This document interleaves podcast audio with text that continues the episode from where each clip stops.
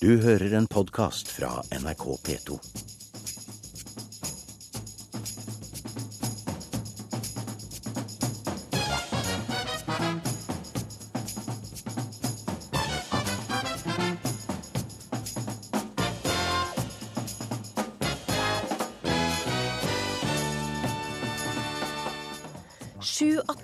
Innsatte slipper ut lenge før straffen er ferdig sonet. Pårørende føler seg lurt, sier Ada Sofie Austegard.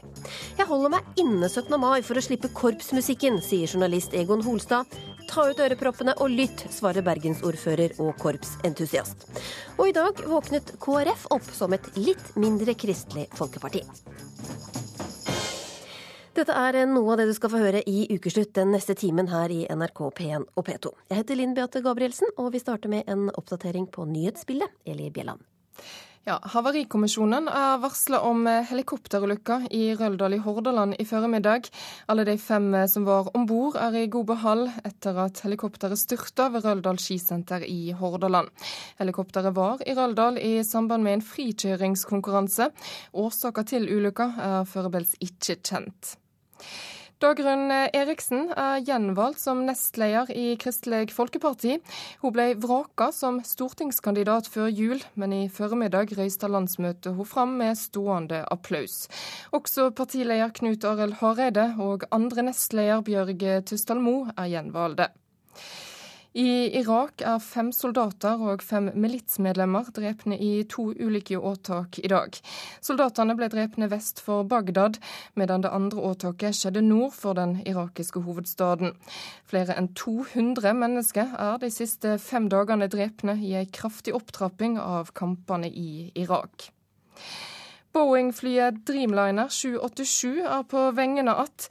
Første flyging etter de omfattende batteriproblemene gikk fra Addis Abeba til Nairobi i formiddag. Passasjerflyet Dreamliner har stått på bakken siden januar, men nå er batteriproblemer ordna, melder BBC. Norwegian er blant selskaper som har tinga Dreamliner-flyene fra Boeing. Helse- og omsorgsminister Jonas Gahr Støre vil at mat og drikke som blir solgt på serveringssteder, blir merket med kaloriinnhold. På den måten håper Støre at folk skal bli flinkere til å velge sunne alternativ, ifølge Aftenposten. Kokk Rune Pahl slakter ordninga. Han sier til avisa at folk kommer til å ta feil ernæringsvalg om de skal henge seg opp i kalorier. Og nå fortsetter ukeslutt. Etter røystinga ovenfor blir det gjort en endring i byrettens dom mot Jan Helge Andersen, at straffa blir satt i fengsel i 19 år. Det var altså dommen Jan Helge Andersen fikk for eh, Baneheia-drapene. Men 19 års dom betyr ikke nødvendigvis 19 år i fengsel. Fra mai har han sonet to tredjedeler av straffen, og skal som alle innsatte vurderes for prøveløslatelse. Hele 70% av de dømte slipper ut etter at to tredjedeler av straffen er unnagjort. Og skal det være slik, bør dommeren si sannheten til ofre og etterlatte i rettssalen, mener Ada Sofie Austegard. Som du ser, så ligger det mye på uh, foran her som jeg må flytte først. For å Ada Sofie Austegard rydder vei. Her har jeg da begynt. Uh, jeg tenkte jo jeg skulle ha det til ettertid i hvert fall, og, og få dokumentert alle Inntil veggen står tre store plastkasser fulle av aviser som hun ikke har begynt å klippe i ennå. Det stoppa jo aldri. Jeg, jeg trodde jo at, at det skulle stoppe, men vi har jo gått igjennom gjenopptagelse på gjenopptagelse. og I mai har Jan Helge Andersen sona to tredjedeler av straffen sin på 19 år. Det betyr at mannen som sammen med Viggo Kristiansen voldtok og drepte den åtte år gamle datteren til Austegard og den ti år gamle venninna hennes, kan løslates. Dersom kriminalomsorgen bestemmer det.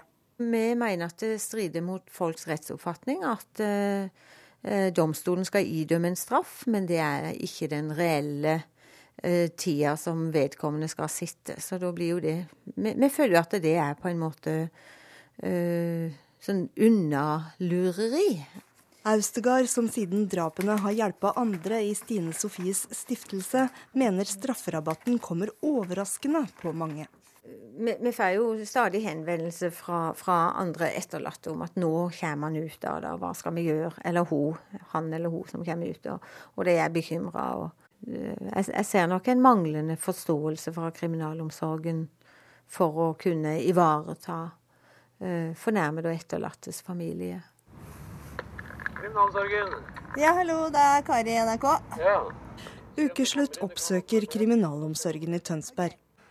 Det er jo en kjent sak, en uh, alvorlig dom. Uh, og nå nærmer tidspunktet for prøveløslatelse seg, så da, da, skjønner jeg at det er, vekker litt oppsikt at det nærmer seg. Direktør i Region Sør Erling Feste bekrefter at Andersen nå er på en institusjon med lav sikkerhet, og at han vurderes for et liv på frifot. Ja, eh, vi har en plikt til å vurdere to løslatelse ved to tredjedelstid. Og, og, og, det er noe vi skal ta fortløpende så lenge han sitter i, i, i fengsel hos oss. Så når en dom faller, og mm. en, en gjerningsmann eller -kvinne da får fengselsstraff, så kan man da som hovedregel trekke fra en tredjedel på den straffa, og regne med at da kan vedkommende komme ut. Er det, er det sånn? Ja, det, i praksis så viser det seg at da rundt 70 eh, blir innvilga løslatelse på prøve utholdt to, utholdt to tredjedels soningstid. Skjønner du de som syns det er litt rart? Det er jo lovens system at vi, man skal ha en to tredjedels soningstid, og, og, at man da skal ta en uh, vurdering av om det er nødvendig og at domfelte sitter inne. Og jeg skjønner at det vekker reaksjoner uh, for fornærmede og etterlatte eh, der de blir løslatt. Eh, og Det er også en del av den vurderingen som inngår eh, når vi skal vurdere prøveløslatte. Hensynet til den alminnelige rettsomfatning og de etterlatte er en, en del av den vurderingen vi tar. Andersen skal nettopp ha fått en plan for videre soning. Og ifølge Andersens mor vil sønnen ikke søke om å forlate soningsanstalten før han er ferdig utdanna baker, dvs. Si jul. Det er jo veldig koselig. Kunne jo gjerne sendt barna mine på en sånn der uh, sommerleir her. Ada Sofie Austegard ser på nettsida til institusjonen hvor datterens drapsmann holder til. Her har du da fritidsaktiviteter. Her er de ute og sykler, de er i båt og sparker fotball. Det er jo flott at de har aktiviteter. Blir du litt provosert?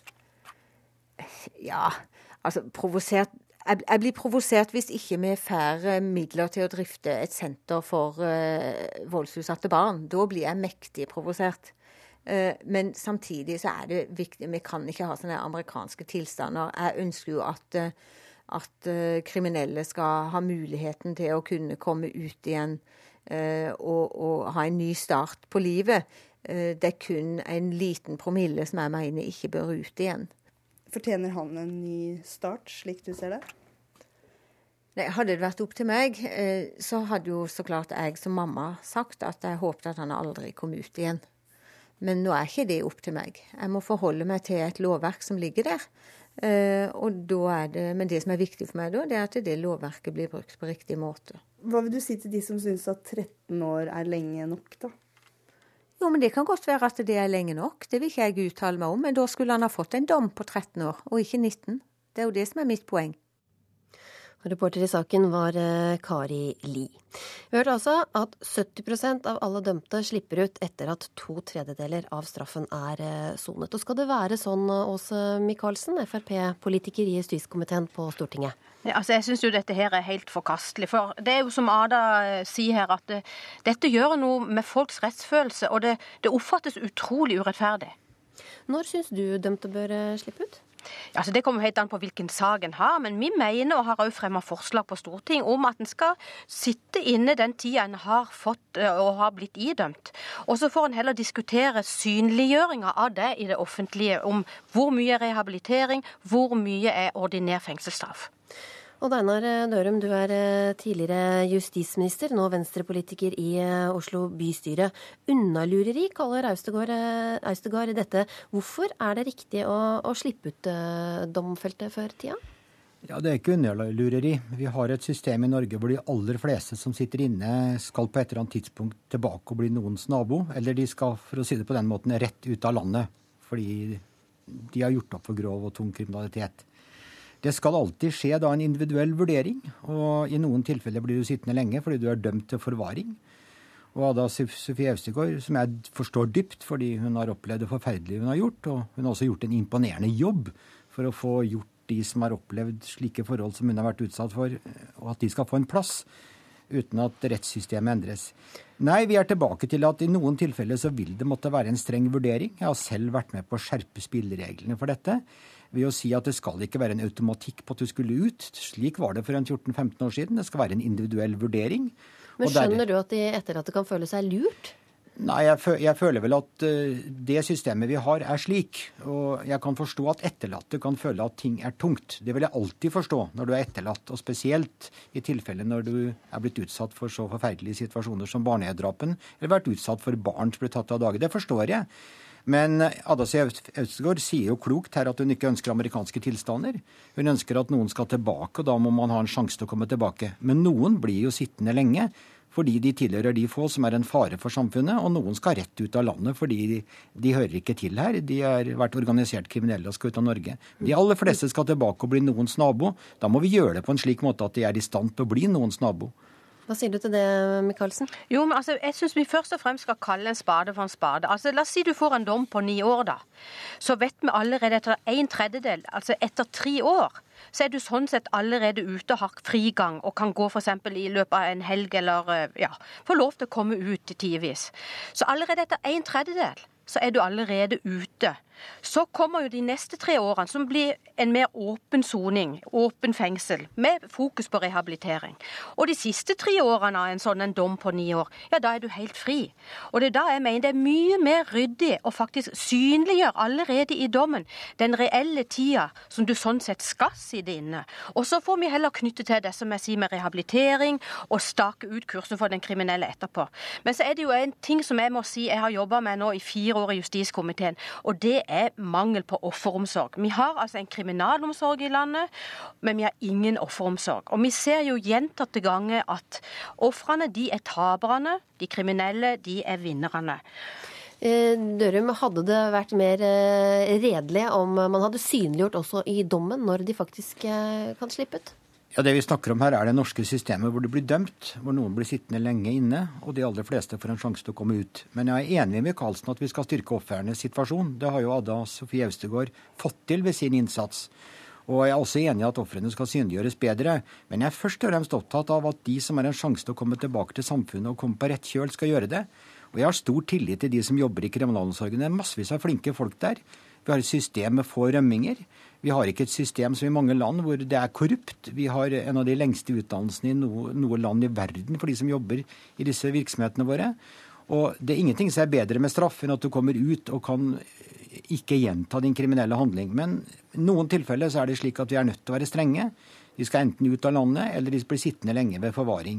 Så Men, dette er nyansen i det norske systemet. La oss si det litt folkelig, da. Myk mot de myke og hard mot de harde. Men er det ikke problematisk at det, det, det er jo ikke lenger da domstolen som avgjør den endelige lengden på straffen, men fengselet eller kriminalomsorgen? Jo, det er jo ikke slik at ikke domstolen avgjør. Det er, det er ikke det som, dette er ikke USA hvor det er matematikk for å dele ut en dom. Nei, men En tredjedel av straffa kan kuttes av fengselet eller kriminalomsorgen? Det følger av norsk lovgivning at det kan skje etter en individuell vurdering. Jeg gjentar en individuell vurdering. Det er ikke noe automatikk på at du skal ut. Man skal vurdere den alminnelige rettsfølelsen, som personen fra kriminalomsorgen sa. Og det er forskjell på hva du har gjort av kriminelle handlinger. Det er den individuelle vurderingen som gjør at vi ikke stadig får kriminelle om igjen og om igjen. Noen må vi dessverre stenge inn lenge, men de fleste skal tilbake og bli noens nabo. Da må vi te oss slik at det er mulig. Michaelsen, hvorfor skal man ikke belønnes for god oppførsel i fengselet, da? Altså det, det, det, blir litt for enkelt. Jeg tenker meg også sånn at I utgangspunktet, når det er en dom i en sak, allerede da så får en jo redusert straff. Bare senest i, VG i dag så står det jo en som fikk redusert straff pga. det tok tid å oversette dokumentet. Eller jeg husker en sak fra Agder lagmannsrett hvor uh, en, en, det var en utenlandsk kriminell som fikk sånn sett redusert straffen sin med mange, mange måneder fordi en så at han ikke ville få besøk av familien sin fra Polen.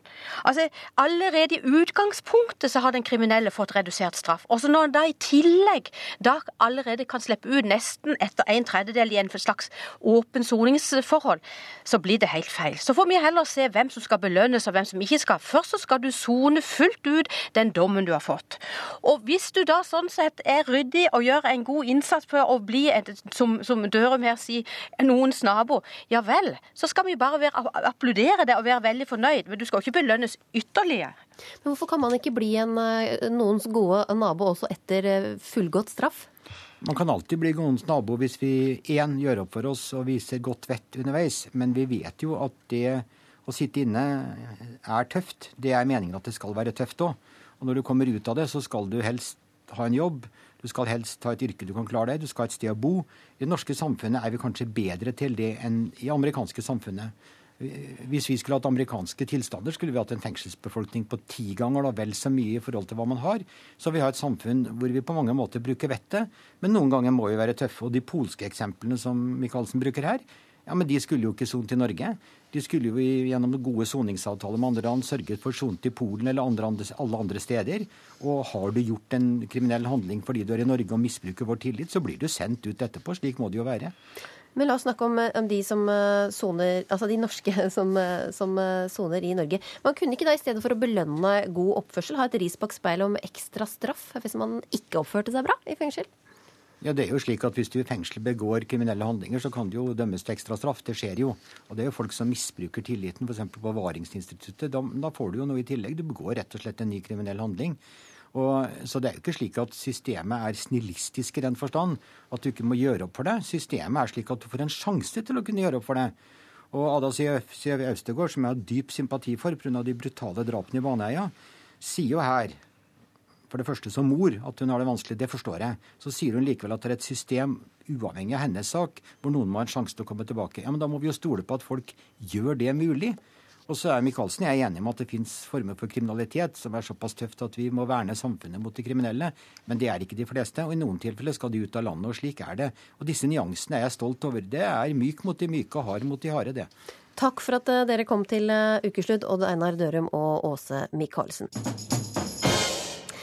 Det nærmer seg 17. mai med bunad, pølser, is og korpsmusikk. Hipp hipp hurra, sier eh, mange til det, mens andre kvier seg til sure korpstoner. Vår reporter prøver seg som korpsmusiker litt senere. Delegatene på KrFs landsmøte i Trondheim våknet i dag opp som et litt mindre kristelig folkeparti. For sent i går kveld forandra de en 80 år gammel tradisjon, og vedtok at de tillitsvalgte ikke trenger å være troende kristne. Og det var et vedtak som gjorde vondt for mange, til tross for bred støtte. Så ble vi for denne dagen, Jesus. Alle parti har sitt særpreg. KrF har morgenbønn og salmesang.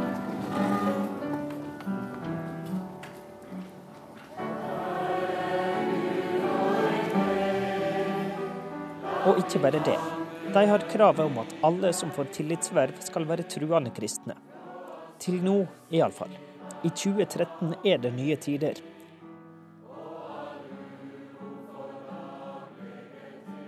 Paragrafen står for fall men ikke om det er opp til Marie. Jeg ønsker å oppnå en, eh, en bevissthet rundt hva vi egentlig gjør når vi fjerner bekjennelsesparagrafen. Og jeg tror at det er viktig å vite at den paragrafen har skapt troverdighet for våre velgere og for våre medlemmer i at vi faktisk eh, kommer til å eh, stå opp for de kristne verdiene som kristne politikere og tillitsvalgte for KrF. Marie Brekke er lokalpolitiker, 24 år og KrFs framtid. Og brennende opptatt av den stolte fortida. Ja, jeg ønsker at vi fremdeles skal ha den i partiet. For jeg mener den har bidratt positivt, og jeg mener at den har eh, hatt sin funksjon i partiet. Landsmøtedebatten viser at du skal kunne din bibel og din salmebok for å henge helt med på diskusjonen og humoren i KrF. Det gikk jo gale med Adam og Eva. I salmen 'Jesus lær du meg å bede, Jesus lær du meg å tro'. At vi har et sånt alternativt motto i Rogaland, valgmotto, det er at Bollestad og Toskedal eh, det blir brød og fisk til folket. Takk. Kanskje er det det litt ekskluderende ved partiet de ser. de som har planlagt dette over flere år. De som har talt delegater på førehånd. De som vil modernisere KrF, kjenner seg nesten helt trygge på siger. Noen med stor glede. Og jeg har tenkt å sprette en cola i baren i kveld. Dette blir veldig bra, folkens. Andre med sorg. I kveld har jeg tatt på meg finskjorta. For i kveld skal jeg ta farvel med en gammel venn. For meg er en lang prosess over. At nå var tida over til å ta farvel til paragrafen. Marie kjemper i motvind på talerstolen. Eh, du sier at vi må fjerne menighetspreget på politikken, noe jeg er for så vidt enig i. Vi skal ikke se ut som en menighet.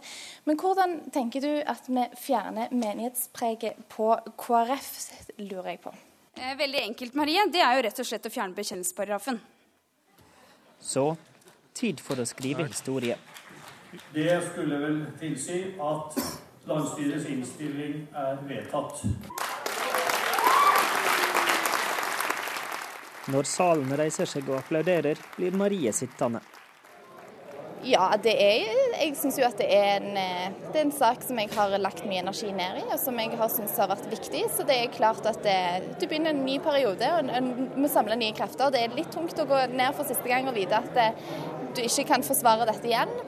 Jeg tenker at Konsekvensen er at det er nok en del av våre velgere og medlemmer også, som lurer litt på hva vi egentlig i dag har vedtatt. Har du cola? Pepsi. Jeg må ta en Pepsi i dag, dersom det er en stor dag. I den andre enden av hotellet er det tid for feiring. Skål. Lederen i Ungdomspartiet, Elisabeth Løland, benker seg stolt sammen med to andre fornøyde. Jeg er veldig letta over at vi nå er ferdig med den debatten og at vi kan gå videre. Jeg syns det er kjempedeilig. Og slår fast at nå kan alle bli KrF-ere. Det kan være både en muslim og en ateist og en som eh, tviler og en som ikke har funnet ut hva man er. Eh, men den som eh, vil stå for vårt partiprogram, som vil jobbe for en god familiepolitikk, en god miljøpolitikk og solidaritet med verdens fattige, de kan være med i KrF nå. Stortingsrepresentant Geir Jørgen Bekkevold er prest, og mener kravet om tru har vært meningsløst. Altså, hvordan skulle man ha brukt den paragrafen? da? Skulle vi hatt en nemnd i partiet? som eventuelt skulle da granske hver enkelt tillitsvalgt ut fra noen gitte mål om hva det vil si å være en god bekjennende kristen? Kanskje har KrF vært litt for mye menighet? Jeg tror i hvert fall vi har blitt oppfatta sånn. Hva vi tror, det hører hjemme i menighetene våre og der vi utøver vår tro. I KrF så er det hva vi mener, de politiske standpunktene, som må være avgjørende. Så blir de sittende, disse tre, og smiler over den nye tid mens Marie er redd partiet blir litt mindre kristelig. Og i verste fall enda mindre folkeparti også. Jeg tror ikke at det står en kø av muslimer og venter på å komme inn i KrF. Det har vært en av mine argumenter for at vi har faktisk ikke denne skaren av folk som står og venter på å komme inn i KrF, som det noen ganger høres ut som det er. For å bare fjerne denne paragrafen, så vokser vi til nye høyder. Jeg tror nok ikke at det er en reell problemstilling. Reporter på KrFs landsmøte var Håvard Grønli.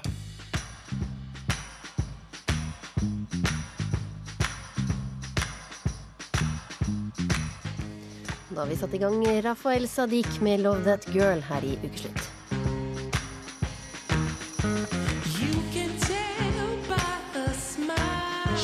such a love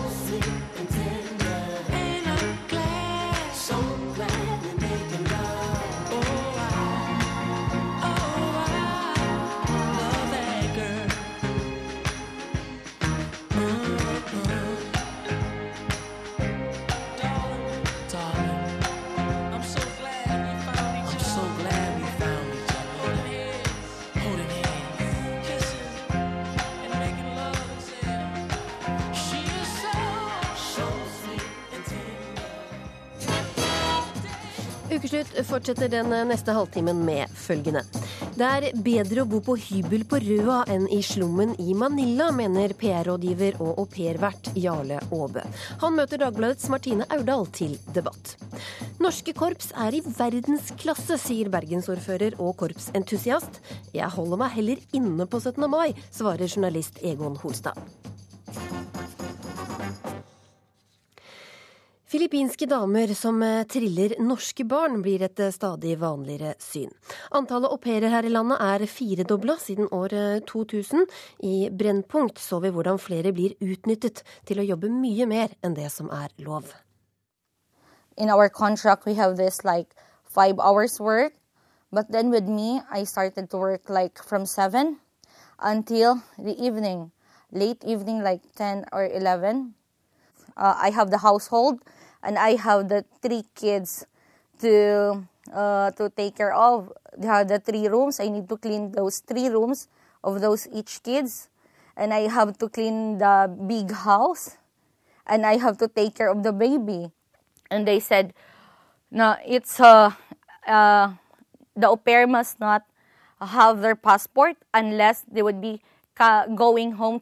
It's like I'm a prisoner. So that was a very, very awful uh, feeling for me. Martine Aurdal, du er leder for eh, samfunnsavdelinga i Dagbladet og mener denne ordninga er overmoden for å bli eh, avviklet. Hvorfor det? Så Brennpunkts dokumentar er jo et grelt eksempler på hvor ille det kan gå, og omfatter jo heldigvis ikke de aller fleste som benytter seg av denne ordningen. Men de aller fleste som benytter seg av denne ordningen, gjør det heller ikke for å gi au en form for kulturutveksling av den formen som norske ungdommer har reist ut eh, som au. Men fordi de trenger hjelp i hjemmet og ønsker eh, seg en form for billig hushjelp. Så er da disse filippinske damene, som de ofte er, i den ulykksalige situasjonen at den eneste måten de kan komme til Norge og jobbe som hushjelper på, er gjennom aupairordningen. Og det er en uholdbar situasjon. Jarle Aabø, du er eh, PR-rådgiver som har hatt fem au pairer i din eh, familie opp gjennom årene. Hvorfor ikke bare legge ned hele ordninga? Ja, det kan du si. Eh, jeg tror den aupairordningen som har kommet, er veldig god. Eller som er, den er veldig god. Men det som provoserer meg mest, det er to ting. Det ene er at eh, det ble sagt i NRK en tidlig morgen fra en redaktør at jeg drev og utnyttet billig arbeidskraft. Og denne redaktøren som kommer fra Dagbladet, hun eh, tar helt feil. Fordi at jeg gjør overhodet ikke det, og har heller aldri gjort det. Et regnestykke som er veldig enkelt, er å si at en au pair, iallfall hos meg tjener rundt 145 kroner timen. Og det er ikke å utnytte billig arbeidskraft. Det som det derimot handler om, er en type hjelp i hjemmet. Selvfølgelig er det det. Lettere husarbeid. Hente barn i barnehage. Samtidig som du hjelper folk som har lyst til å komme til Norge, og som ikke ville kommet til Norge uten aupairordningen. Og jeg pleier å si det sånn, det er bedre å bo i en hybel på Røa enn i slummen i Manila. Hva sier du, Aurdal? Bedre å bo på hybel på Røa? Jeg skulle ønske meg en ordning der disse damene hadde muligheten til å komme til Norge og bo på Røa, eller hvor de nå ville ønske å bo, eh, og få eh, kreve betalt uten å måtte gå med på en aupairordning. Eh, den aupairordningen som vi har i dag, er ikke laget for at folk skal få hjelp i hjemmet, først og fremst. Den er laget for at den skal være en kulturutveksling. Og det er ikke det du skisserer. Jo da, det er det absolutt. For hva er en kulturutveksling? Jo, det, det, er, ikke det er, å dra fra sitt er, lille barn, som veldig mange gjør, og, for å sende pengene hjem. Eh, altså Kulturutvekslingsinnholdet det ligger i at man kommer til et annet land. Eh, jeg tror ikke lovgiver har tenkt på at jeg må sende mine au pairer på hardingfelekurs for å innrømme og oppfylle dette kulturutveksling. Det er å komme til Oslo eller Halden eller hvor i all verden du kommer til Norge, oppleve norsk kultur i hjemmet, utenfor hjemmet. Butikker, kinoer, møte andre au pairer og være mm. sammen, som de ofte er. Men det som er litt Men, av problemet det som er Nei, få bare til akkurat det du sier der, kan du bare svare på. Vær så snill. Det veldig gøy å bli avbrutt. Det som er problemet her, Før du går videre til neste hvis man Det som er det store problemet, er at hvis man skulle innføre sånn normal arbeidsgiver-arbeidstakerforhold, altså legge det inn i den eksisterende ordningen, så vil en au pair koste for meg 180 000 kontantkroner i året. Og det, har, og det har ikke jeg råd til, og det tror jeg det er veldig få som har råd til. Så det Dagbladet ønsker, er å lage en sånn hushjelpordning for de aller, aller rikeste i landet. Og det syns jeg er rart at Dagbladet driver med. At du ikke har råd til å ha en hushjelp boende hjemme hos deg uten å måtte betale 180 000 kroner i året, det syns jeg er helt greit. Derimot så hadde du sannsynligvis hatt god råd til å ha vaskehjelp én gang i uka, og til å leie eh, barnevakt ganske ofte til en eh, mye bedre timepris enn den eh, du betaler au pairen din i dag. Og det syns jeg må være en mye bedre ordning. Jo, men de, de tingene som Dagbladet altså Dagblad driver sånn felttog mot au pairer. Det er jo da to kvinnelige redaktører som har liksom lagt seg helt først i det hitet. Og jeg tror på en måte at man må se dette som en god ordning der den fungerer. Og de unntakene som har vært beskrevet, er groteske. Noe jeg tar selvfølgelig sterkt avstand fra. Men, men, er det en pris man må betale for å ha aupairordning? Ja, men det er jo det i arbeidslivet også. Det finnes jo arbeidsgivere som både utnytter og gjør andre ting med sine ansatte. Så det er det vi mangler i Norge, og det syns jeg er veldig rart. Vi har altså tilsyn for biler, barn, banker Jeg vet ikke hva vi ikke har tilsyn for. Men det finnes ikke tilsynsordning for au pairer. Og det har jeg etterlyst i ti år. Fordi det er rett og slett altfor høy risiko knytta til en vertsfamilie og en au pair hvis ikke det finnes et statlig overordna tilsyn. Og jeg pleier å si det sånn at det er ikke noen god idé å hogge ned et helt tre fordi det fins et råttent eple eller to. Ordningen fungerer godt. Det fins flere tusen vertsfamilier i Norge som integrerer au pairen inn i sitt hjem, nesten som et familiemedlem. Har de med rundt på teater og hva i all verden det skulle være. Dette er det både kulturutveksling Det er jo grunnleggende i ordningen. Og, dette og Men det, er er, da slik at da, når ordningen fungerer, så er den god. Du er veldig flink til å holde på ordet og snakke om fem forskjellige temaer etter hverandre. Så hvis jeg skal få svare på alle de samme temaene som jeg har holdt på ganske lenge Men kulturutveksling kaller du det. Eh, Det er ikke kulturutveksling eller ønske om å lære norsk som får fattige kvinner til å reise fra små eh, unger eh, og reise verden rundt for å sende hjem de få koronene de tjener i Norge. Det er ikke kulturutveksling. Det er nød. Og det å benytte seg av det Ja, du kan si at du kan behandle dem bra, eller du kan behandle dem mindre bra, men det er jo hele ordningen som er uh, laget slik at det åpner for disse grusomme skjebnene som uh, blir beskrevet i denne ukas Brennpunkt. Selvfølgelig oppfører ikke alle seg sånn, men det er heller ikke alle arbeidstaker- og arbeidsgiverforhold hvor du har muligheten til å ta fra folk passet, bure dem inne og nekte dem å uh, få tak i en telefon på flere måneder. På flere måneder.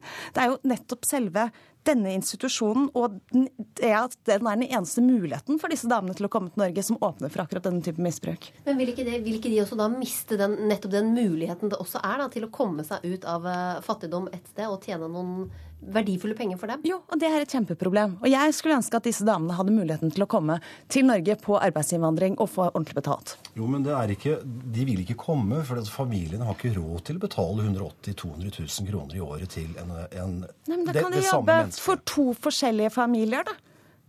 Hvor lange arbeidsdager skal de ha? Altså, De skal ha bedre betalt per time.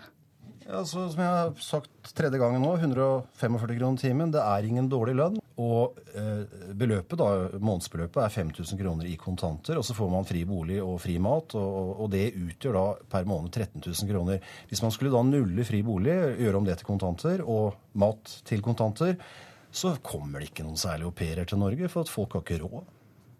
Og det er verre enn å hjelpe de som kommer til et meget godt liv i Norge. I Det år. går helt fint an å tenke seg mange andre mulige løsninger på dette. Jo, Hvis du syns er- det er for dyrt å betale folk eh, for å vaske hjemmet ditt eller hente ungene dine, så kan du til og med diskutere sånn eh, sånne løsninger som de har i Sverige, der de får skattefradrag for det. Hvis du syns det er eh, horribelt at filippinske damer skal kunne komme til Norge på arbeidsvisum, ja vel, da bør de kanskje ikke få komme til Norge på aupairvisum heller.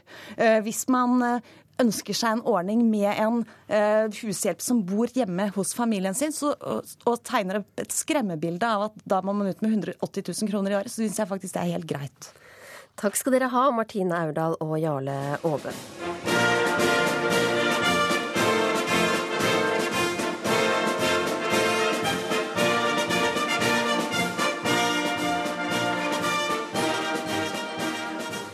Korps er et eh, skikkelig vårtegn. Elsket av mange, mislikt av andre. I Dagbladet denne uka skrev en eh, korpsglad mann at korps må få mer oppmerksomhet året rundt og bedre øvingslokaler. Ukesluttsreporter Sara Victoria Rygg, som eh, ikke er verdens største korpsentusiast, og heller aldri har spilt noe instrument, møtte Norges kanskje aller største korpselsker for å se om hun kunne bli frelst. Samhold. Fellesskap. Spilleglede. Du har egentlig lyst til å bruke flere ord, sant? Ja, jeg bare springer! Jeg har akkurat gitt Jørgen Foss, Norges kanskje mest ivrig korpsentusiast og medlem av forbundsstyret i Norges Musikkorpsforbund, en umågelig oppgave.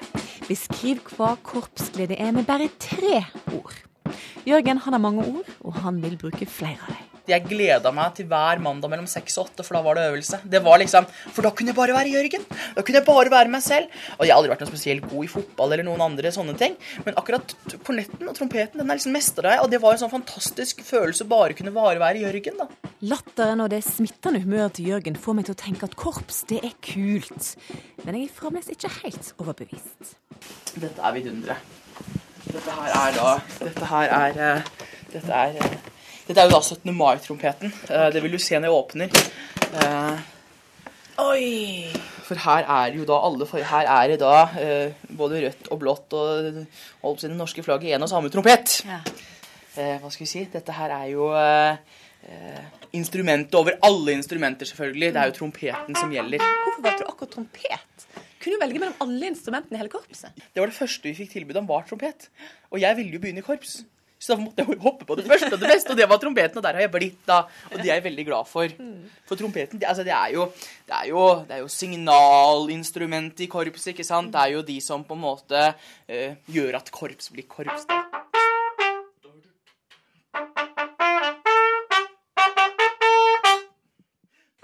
Jørgen han har spilt i korps i mange år. Jeg har aldri spilt instrument, bortsett fra noen få ganske mislykka pianotimer.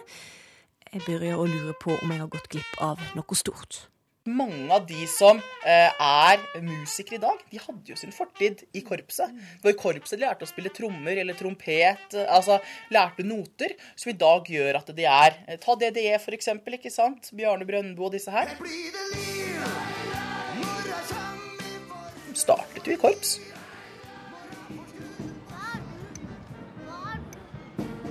Snart er det is, det er flagg, det er pølseetekonkurranser, og det er korps for alle penger. 17. mai er dagen når hver en trompet, trombone og tuba skal ut i gatene og vise seg fram. Mange ser for at korps bare er noe vi ser på 17. mai, men korps er jo noe som skjer hver eneste dag. I hver lille krok av dette landet så er det tas det opp en trompet, eller tas det opp en klarinett, eller det gjøres en gruppeøvelse, eller det skjer en, en samspilløvelse, eller det er en konsert, eller korpset skal vises frem. Altså Hver eneste dag så skjer det noe med korps, da. Og det er det som er så fantastisk med, med hele bevegelsen. Hvordan hadde 17. mai høres ut uten korps? Så stille. Å, så sørgelig.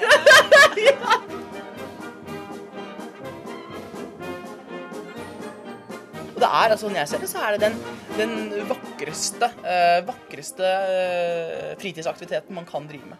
Jeg merker at nå angrer jeg veldig på at jeg ikke lærte meg et instrument. Ja, det bør du. Det burde jeg absolutt ha gjort. Jeg merker at lysta til å spille korps den eh, begynner å bli stor. Men hvorfor ble jeg egentlig aldri bitt av korpsbasillen? Jeg ringer pappa for å høre. Hallo, Sara. Hei, hei. Du, jeg har et spørsmål til deg. Ja. Hvorfor eh, lærte ikke jeg å spille eh, instrument og være i korps da jeg var liten? Nei, det aner ikke jeg. Jeg kan ikke en note. Men hvorfor fikk ikke dere meg til å lære meg eh, instrument? Altså f.eks. trompet? Det prøvde ikke vi med blokkfløyte, da. Ja, men det var jo så bråkete. Ja, jeg var jo så dårlig. dårlig. Vi har ikke vært noe særlig med på instrument, men vi er gode å synge. Ja. OK, så jeg er altså bedre til å synge enn å spille instrument, ifølge pappaen min. Men jeg prøver meg likevel, jeg. Får jeg lov til å spille på den? Ja. Eller, eller tør du at jeg Ja, ja, ja, ja. Jeg kan jo risikere å få veldig sure toner ut av den. Men det er greit. Det er greit. ja, men altså, vi må jo alle sammen starte et sted, ikke sant? Stram leppene litt. Å ja, dette var jo mye. Det så jo så enkelt ut når du gjorde det. Nei, men, men, men det, det må trene tunga Nei, må trene leppa lite grann. Stram leppa litt mer. Nå nærmer vi oss! Vi nærmer oss! Vi nærmer oss!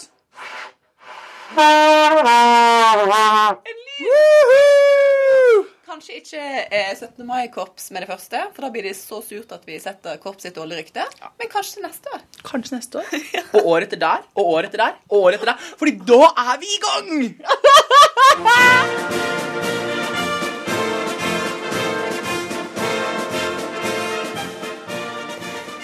Ingen tvil om eh, korpsgleden til eh, Jørgen Foss, og jammen smittet den ikke litt over på reporter Sara Victoria Rygg også. Men eh, journalist og kommentator i Nordlys, Egon Holstad. Hva slags følelser vekkes i deg når du hører skolekorpsene 17. mai? Jeg bor da i Storgata i Tromsø. Eh, veldig ofte så har jeg fri 17. mai og har da vært ute en tur på byen den 16. mai. Og jeg hadde personlig eh, klart meg helt, helt fint uten eh, veldig, veldig høye og atonale messingblåsere utenfor vinduet mitt. Men jeg tenker sånn, Når det er vår der nede hos dere, altså mai, så er det sånn tre mediesaker som vi vet at kommer. Det ene er at noen barn har funnet vårens første hestehov. Så er det krise i brann og Vålerenga. Og så er det sånn at den tredje er da de de som styrer med korps, er ute og klager sin nød over deres manglende tilgang på midler og den manglende støtten i folket som kun vil ha dem 1. og 17. mai. Jeg tenker at kanskje man skal begynne å se at det her er et tegn i tida. Og være fornøyd med det man har, i stedet for å klage så mye. Det er veldig mange andre som har minst like stor grunn til å klage i Kultur-Norge. Og jeg tror jeg, jeg representerer folket i større grad enn de som digger korpsmusikk. Trude Drevland, du er eh, ordfører i Bergen, og du har ledet Norges Musikkorps Forbund tidligere, og er minst like engasjert for korpsene nå som, eh, nå som da. Er dere litt sytete? Nei, det er jo det minste jeg syns. Men du vet, han her burde jo hatt ørepropper, og så burde han ikke vise seg hos folk, fordi at han har jo ikke skjønt poenget. Kjære, vakre, snille, søte Egon.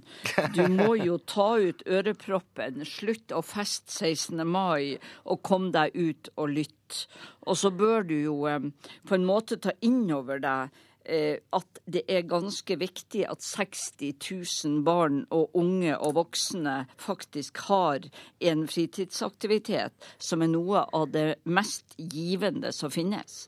Og når du snakker om rock, så kan jeg litt om rock òg, som tanta til Sivert Høyem.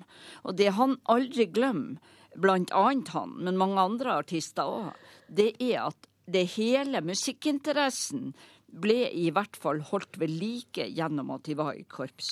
Så det er noe du ikke har fått med Ja, deg på veien. Nå er ikke jeg tanta til Sivert Høie, men jeg, jeg kjenner Sivert ganske Ja, godt. det vet og, ja, jeg. og, det, og det, det, det er mange musikere som også har spilt i korps da de var barn. Men det her blir litt sånn mor Nille-logikk. For at mange av de samme folkene har også spilt fotball og har også spist fiskeboller. Det er ikke sånn, det er ikke sånn nødvendig automatisk sammenheng mellom korpsmusikk og, og rock. Jeg, jeg tror nok at rocken vil leve ganske godt uten korpsene. Jeg, jeg er ikke veldig bekymra for at rekrutteringa til populærmusikken skal svinne hen med den svinnende interessen som da er for Det har jo noe med å skape en musikkinteresse. Og det har noe med å gi noen korps for fotballen kommer og tar de. Men så til det poenget med å klage. Det er jo ikke sånn eh, som du sier, at det begynner med 17. mai, og så hører du alle som klager. Jeg tenker på 1. mai. Jeg er opptatt av det òg. Er du det òg, Ikke dere i Høyre, ja, men ja, jeg- men jeg det er er opptatt av ditt det. problem. Det som korpsbevegelsen gjør, er jo også å skape et fellesskap mellom generasjoner. Det er ikke bare barn som spiller i korps. De møtes på øvelser med forskjellige generasjoner, sammen med forskjellige nasjonaliteter. Der er ingen reservebenk.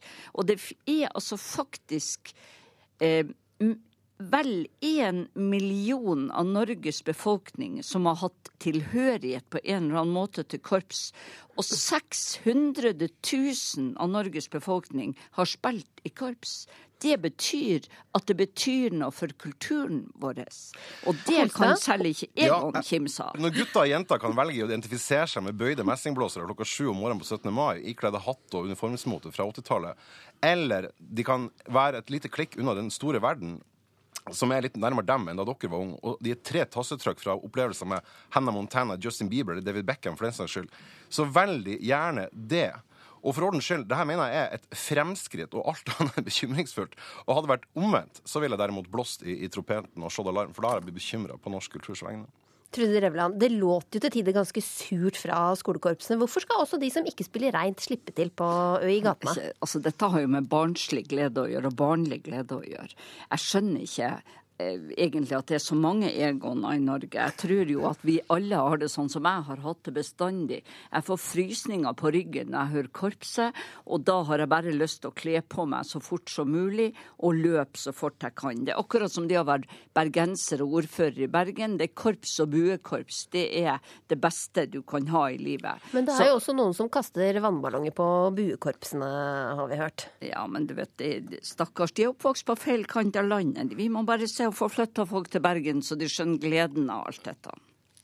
Jeg får jo da også frysninger på ryggen av korps, men kanskje av litt andre årsaker. Men jeg er anstendig og putter i meg ørepropper i stedet for å kaste vannballonger på dem. Det, det vannet syns jeg er dårlig brukt. Det som vi skal huske på, Egan, det er det signalet du sender til alle de 600 skolekorpsene og alle de voksenkorpsene som er rundt omkring. Ikke det at jeg tror de bryr seg intenst om deg, det men det er et signal om at denne aktiviteten den setter vi ikke pris på i Norge, og det er klart vi gjør. Jeg, jeg, jeg sier jo ikke at jeg ikke setter pris på, på den aktiviteten. Jeg har ingen ting i verden imot norsk korpsmusikk. Og folk, nå, nå er vi, folk, nå er vi på folk, folk, må gjerne være med i korps, men det at barn og unge i Norge nå i mye mindre grad velger å ikke være med i korps, syns ikke jeg er spesielt bekymringsfullt. Men det syns ikke jeg heller. Men Holstad, er det ingenting i korpsene du liker? Ikke drillpiken engang? Eh, I fare for å bli misforstått med den alderen jeg har, som da er 41 år, så velger jeg å ikke fokusere så mye på dem heller. Men altså, i organiserte former så har det vært korps i Norge siden 1850-tallet. Ikke før sommeren 1956 ble det lov å være med i korps for jenter. Men da har allerede Elvis Presley slått gjennom med Heartbreak Hotel et halvt år i forveien. Og da var i realiteten kampen tapt. Og jeg, tror, altså, og jeg, tror, den kommer til å tape. Men det er altså sånn, kjære venn, at vi kan altså like både Elvis og Sivert Høyem, og til og med Enslaved hvis det er nødvendig, og allikevel synes at korps er fantastisk. Så kjære Egon, du høres ut som du er dobbelt så gammel som meg.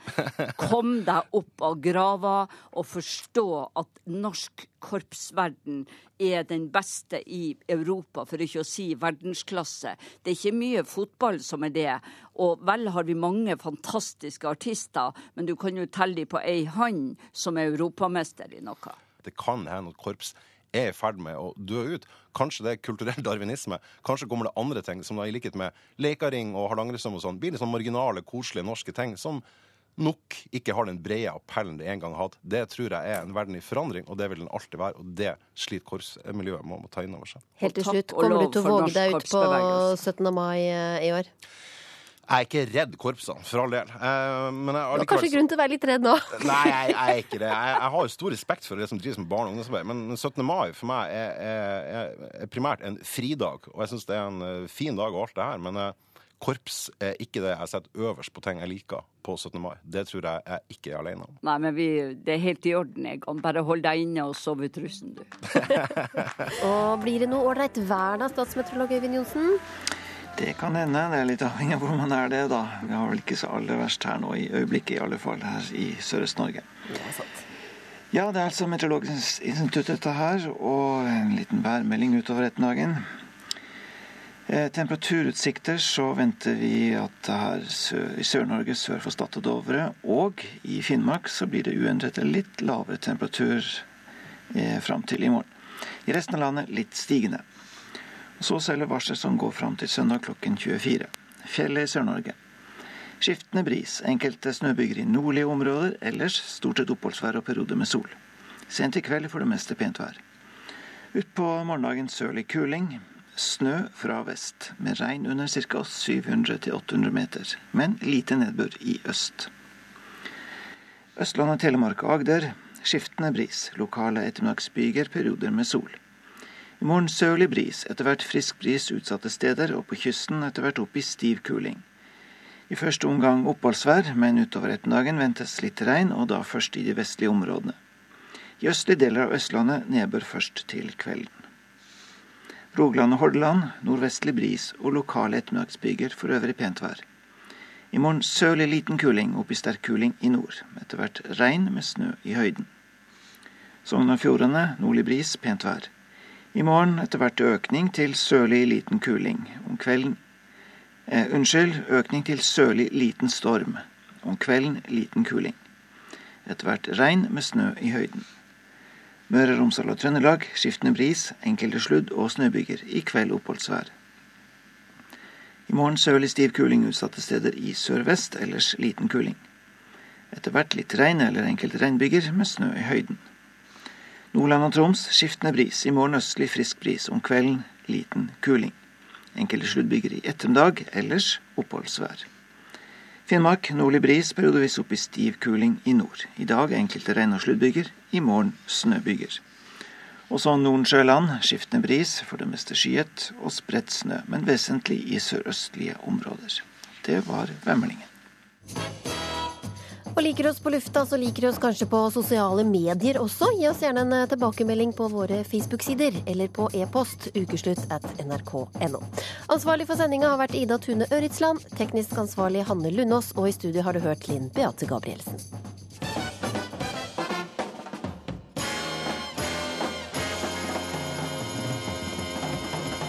Du har hørt en podkast fra NRK P2.